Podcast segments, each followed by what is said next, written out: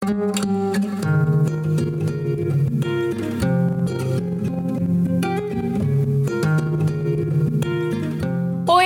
ik ben Paula en wat leuk dat je luistert naar mijn podcast. Eind februari sprong ik in het vliegtuig om mijn saaie werkplek in Nederland om te ruilen voor een fijn verblijf in het zonnige Lagos. En ik ben niet de enige. Steeds meer mensen kiezen ervoor om in het buitenland hun werkzaamheden voor te zetten. In deze podcast praat ik jullie bij over alle voordelen en natuurlijk ook nadelen die komen kijken bij zo'n internationaal avontuur. Dit doe ik niet alleen, maar samen met andere ondernemers die ik hier ontmoet. Waarom zijn ze naar het buitenland gegaan en wat voor werk doen ze eigenlijk? Is het moeilijk om naar het buitenland te gaan en ga je dan alleen of neem je iemand mee? Je hoort het allemaal in deze podcast. En ja, dat hoor je goed. Ik zeg deze podcast, want de podcast heeft nog geen naam. Mocht je een leuke, inspirerende of grappige naam weten voor deze podcast, laat het me dan even weten.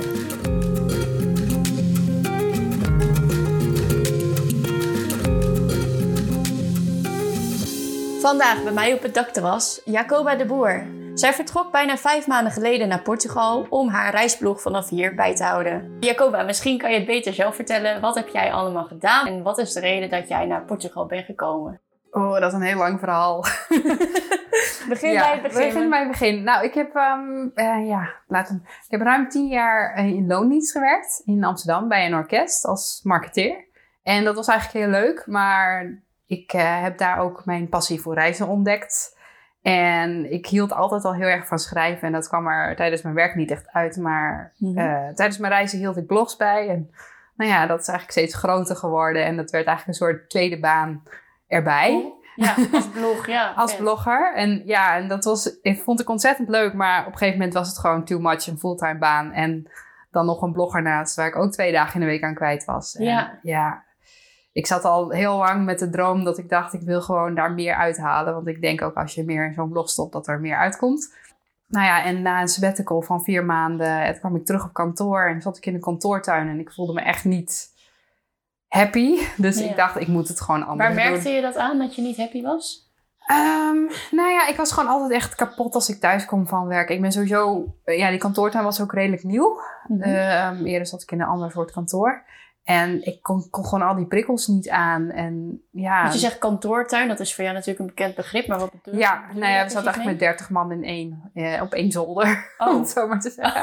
Oh, Het was een hele grote, grote zolder. Maar ja, als je daar fulltime zit, eh, vijf dagen in de week. En eh, ik ben introvert, dus ja, ik kan gewoon niet heel veel omgevingsgeluiden Ja. de hele tijd aan. Ja, en dat is niet fijn voor afleiding hebben. En als ik wil werken, moet ik gewoon in rust kunnen werken. En ja, dat ging niet. Dus ik kwam elke dag gewoon heel moe thuis. En ja, mijn blog leed er eigenlijk ook gewoon onder. En ik vond het gewoon, ik had er gewoon geen energie meer. Ik leefde gewoon van weekend naar weekend. En het weekend had ik geen zin om vrienden of familie te zien. Omdat ik gewoon bij Ja, moest komen van een kantoorweek. En ja, op een gegeven moment gaat dat gewoon, dat breekt je gewoon op. Dus ik was ook heel blij dat op een gegeven moment corona uitbrak en dat we thuis moesten werken. Want ik leefde helemaal op.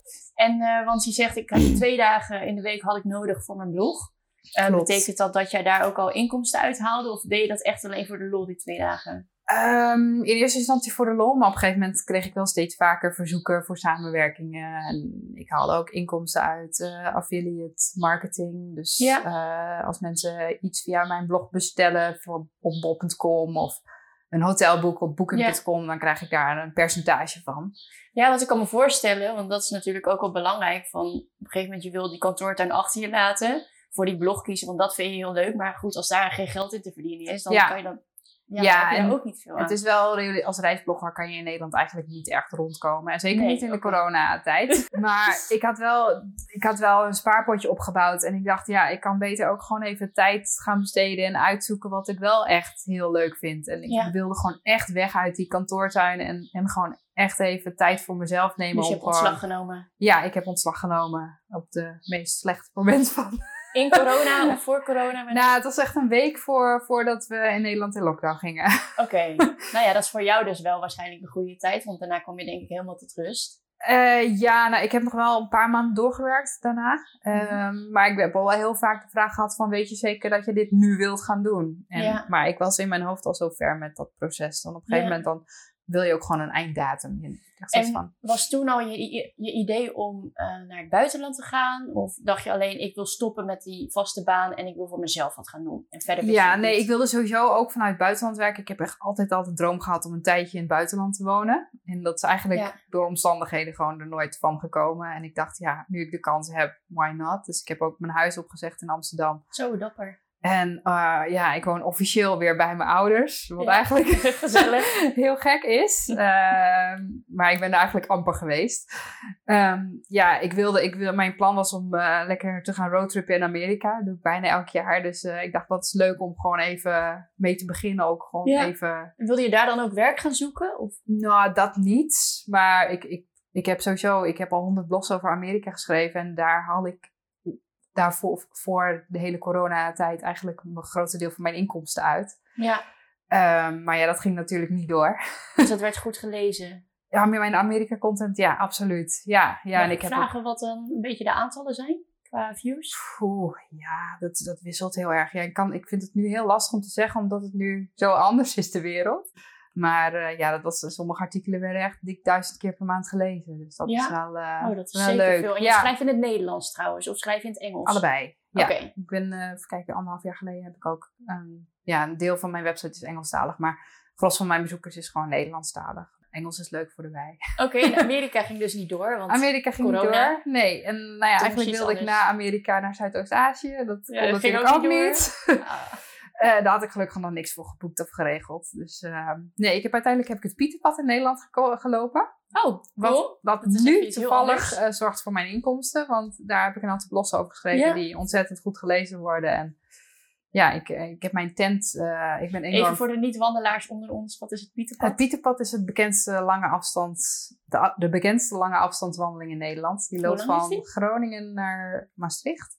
Oeh. En hij is ongeveer 500 kilometer. Zo, Ja. pittig. En Ja. heb jij helemaal gelopen? Die heb ik even gelopen in drie weken. Drie weken, oké. En, dan Met kampeerspullen. Ja, en dan zet je gewoon je tentje op waar jij denkt van... ik kan hier niet verder, ik moet echt even overnachten. ja nou dat is, dat is normaal gesproken wel het idee. Maar in Nederland mag dat niet. Je mag niet wild kamperen in Nederland. Dus je moet eigenlijk elke keer een camping opzoeken. ook wel goed om te weten. Dat je Ja, niet, eh, precies. Ja, en daar heb ik dus nu heel veel over geschreven de laatste eh, maanden. leuk. En, en je merkt gewoon in Nederland, mensen willen wel weg. Heel graag, die willen echt graag op reis. En het Pieterpad is dan een heel mooi alternatief voor Ja. een avontuurlijke vakantie. En daar kan ik ze bij helpen. En dat merk ik nu wel. eh. Want als ik ehm, nu denk aan een wandeling van Groningen tot aan eh, het zuiden van Nederland. In mijn hoofd is Nederland plat. Groen ergens wel hier en daar, maar saai. Als ik het vergelijk Ja. met andere landen. Zeg ik dan iets wat niet klopt? Nee, dat, dat is precies mijn eh, aanname geweest. Ja, Want ik heb eh, in 2019 heb ik 700 kilometer van de Pacific Crest Trail gelopen in Amerika. Gewoon, dan loop je ene keer in de woestijn tussen de cactussen. En dan steek je weer eh, een rivier over. En dan sta je in een Ja. berg met sneeuw. En dat zo, andere- dat is echt anders. ander Maar ja, we, mochten, we konden bijna nergens heen. En ik dacht, ja, het Pieterpad. Dat Ja. is wel, als je in Nederland een lange afstandswandeling doet, dan is dat wel gewoon een soort van de holy Ja, grail. ja. Zoiets. En het is natuurlijk ook heel tof om dat te doen. Ja. Dus het is niet dat het, het is ongetwijfeld niet saai. Het is absoluut niet saai. Het was echt, ik dacht ook inderdaad, het is gewoon weilanden, dorpje, weiland, dorpje. Maar het, is, het, het landschap in Nederland is zo verschillend. En je merkt het ook gewoon, het verschil tussen bijvoorbeeld Groningen en Drenthe. Het is echt, eh, Ja, dat ja, geloof ik wel. Ja. Echt, in Groningen is het heel veel vaarten en weilanden en kerktorens. In Drenthe staat geen enkele kerktoren. Maar eh, ja, en dan Gelderland is opeens weer heel heuvelachtig en bosrijk. En dan, ja, dan- Veluwe, komt Ja. het door de Veluwe? Ehm, nee, je komt door de Achterhoek. Oh ja, dat Je loopt ook mooi. stukjes door Duitsland, dus dat is ook heel Oh, grappig. Je gaat de hele Ja. tijd de grens over. En dat heb jij ook alleen gedaan trouwens. Want eh, we komen nog even terug straks op dat jij nu alleen in het buitenland zit. Ja. Maar Ik eh, reis voornamelijk alleen. ja, vind je dat lekker? ik vind het eigenlijk wel lekker. Ja, het was eerst eerder een soort van noodgedwongen, omdat de mensen met wie ik reisde allemaal eh, kinderen kregen of gingen trouwen of wat dan ook. En ja, het is het voordeel van alleen reizen is dat je natuurlijk precies kan doen wat je wil. Gewoon echt als jij denkt, ja, op een gegeven moment, ik wilde heel graag een keer naar Australië. Nou, krijg maar eens iemand zo gek om een beetje mee naar Australië te gaan. En ook nog iemand waarmee jij het ziet zitten om naar Australië te Precies, gaan. ja, je bent echt op elkaar aangewezen. Ja, en dus ik ben uiteindelijk alleen gegaan. Nou, dat was fantastisch. Ja. ja en Voel je je niet alleen?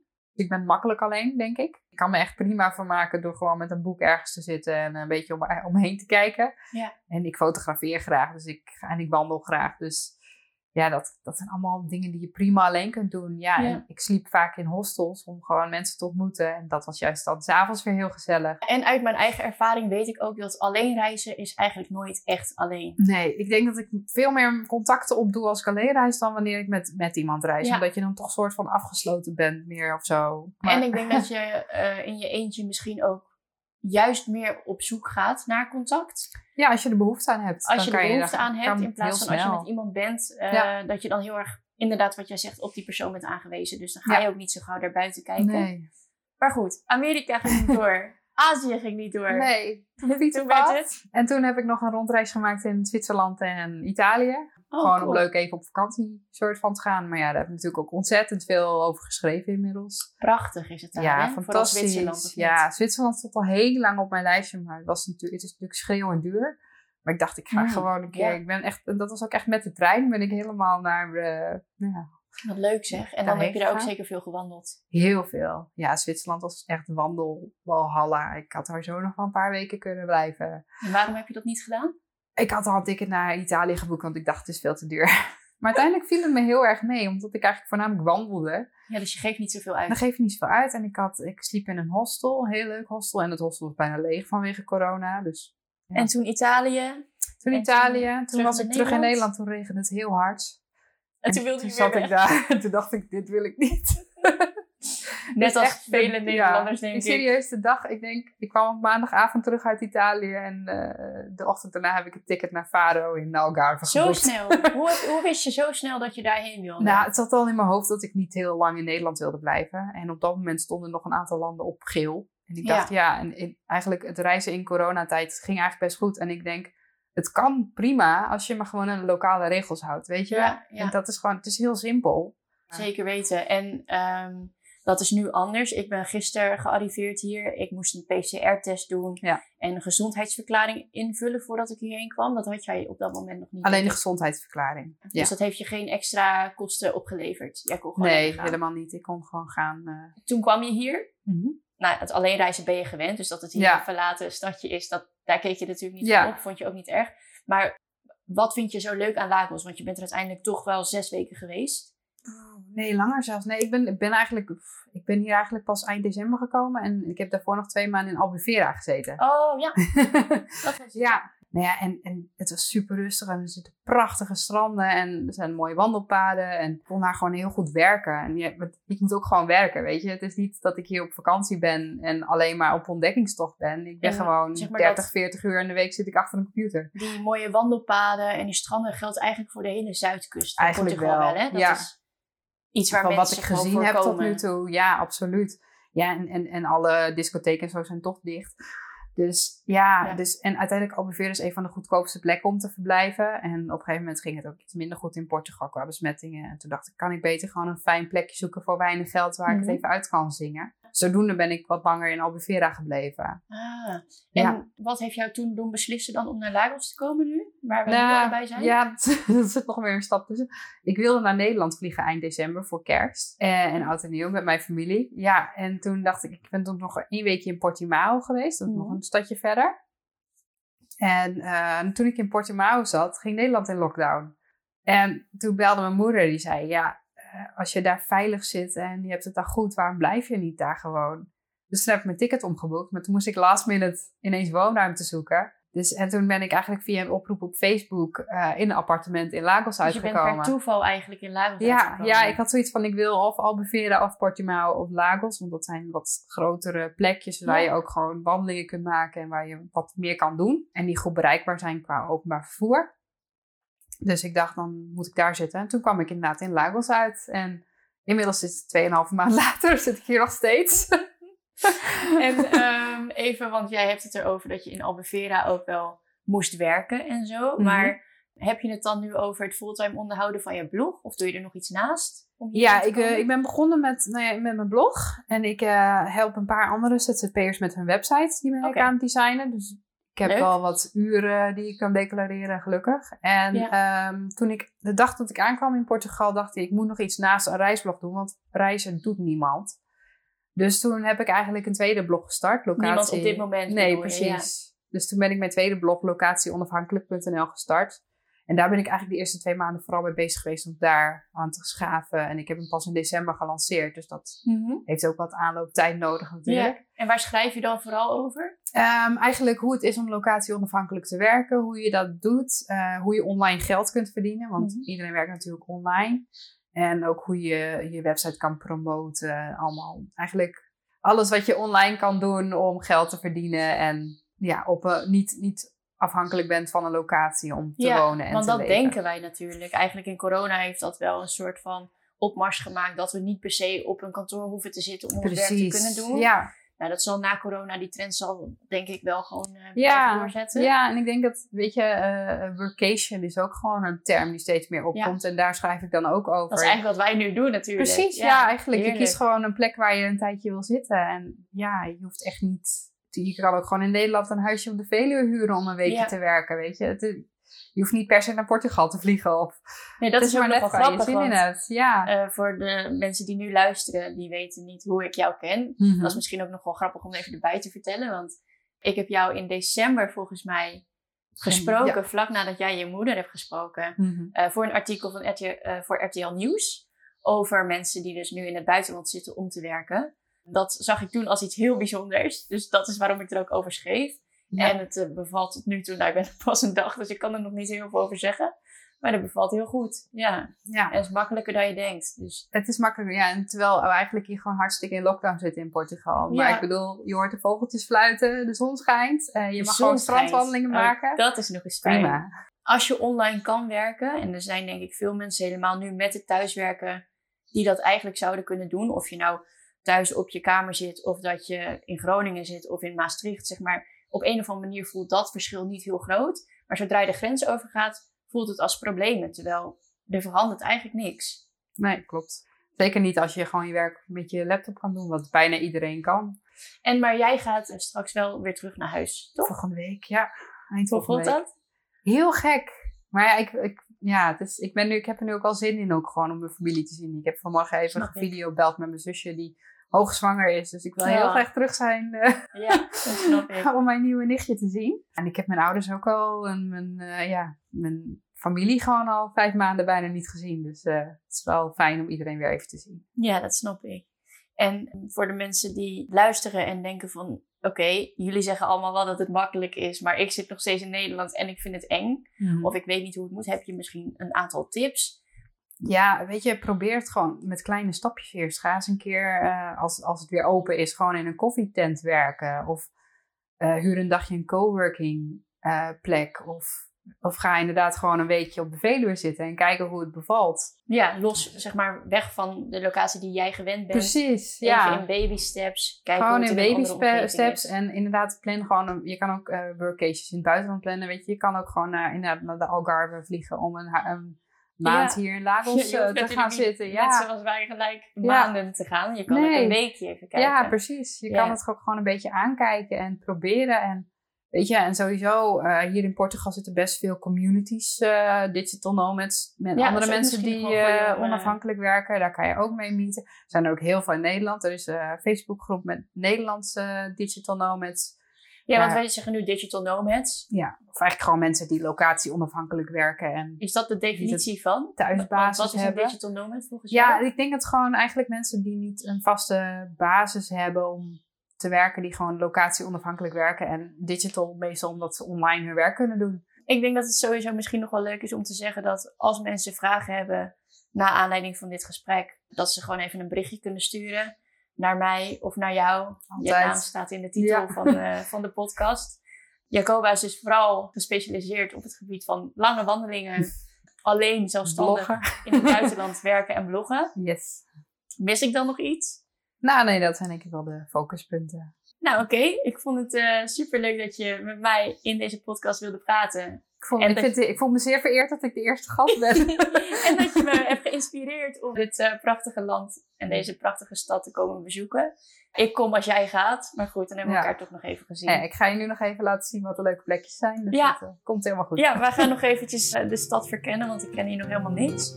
En gelukkig heb ik Jacoba bij me, want die doet het al maandenlang. Dus ja, Volgens mij komt het helemaal goed. Denk het ook.